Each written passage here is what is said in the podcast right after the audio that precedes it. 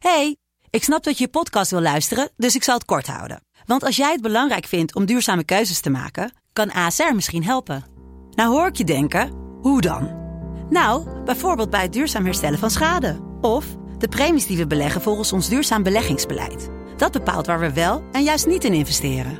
Wil je meer weten over welke duurzame keuzes ASR maakt? Ga dan naar asr.nl slash duurzame keuzes. ASR doet het.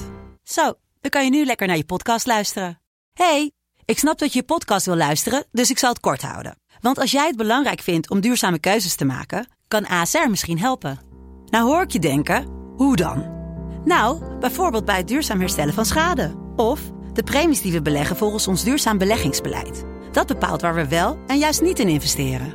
Wil je meer weten over welke duurzame keuzes ASR maakt? Ga dan naar asr.nl slash duurzame keuzes. ASR doet het.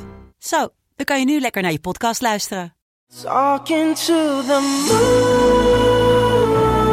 moon. Dit is Maand, of tenminste Mand. De kortste podcast van Nederland. Totaal synchroon met de maan. Een speciale aflevering omdat het volle maan is. Vroeger hadden we God en daarvoor hadden we goden en daarvoor hadden we geesten. En nu hebben we helemaal niks meer. Dus het is niet zo gek dat mensen op, Nee. op zoek gaan naar... Dit is nou eens echt een goede diepzinnige. Het is eigenlijk een te grote, eh, och, zinvolle opmerking voor in zo'n kleine podcast. Ja. Maar dit is precies de reden waarom er al die mensen zo gek worden.